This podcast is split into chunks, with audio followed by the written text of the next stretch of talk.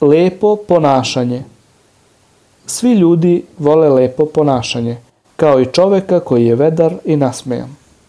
Zato je poslanik podsticao čoveka da se lepo ponaša, da bude drag ljudima i da stiče njihovo prijateljstvo. U duhu toga je rekao Najteže, najcenjenije, delo na vagi na sudnjem danu je lepo ponašanje, a Bog ne voli bestidnog i nepristojnog – Takođe je kazao, najbolji vernici su oni sa najboljim ponašanjem. I rekao je, vernik lepim ponašanjem može postići stepen onoga koji noću provodi u molitvi, a dane u postu. I rekao je, vernici su laki i blagi, poput poslušne kamile koja, ako je povučeš, pokori se, a ako joj narediš da legne, uradi to makar i na steni.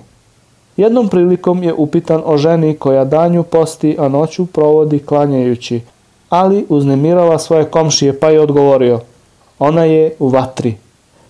I rekao je, ko ne ostavi lažan govor, rad po njemu je džahilijetsko, predislamsko ponašanje. Bogu ništa ne treba njegovo ostavljanje hrane i pića tokom posta. I rekao je, razvratan i prostački govor nikako nije od islama, a najbolji muslimani su oni sa najlepšim odgojem.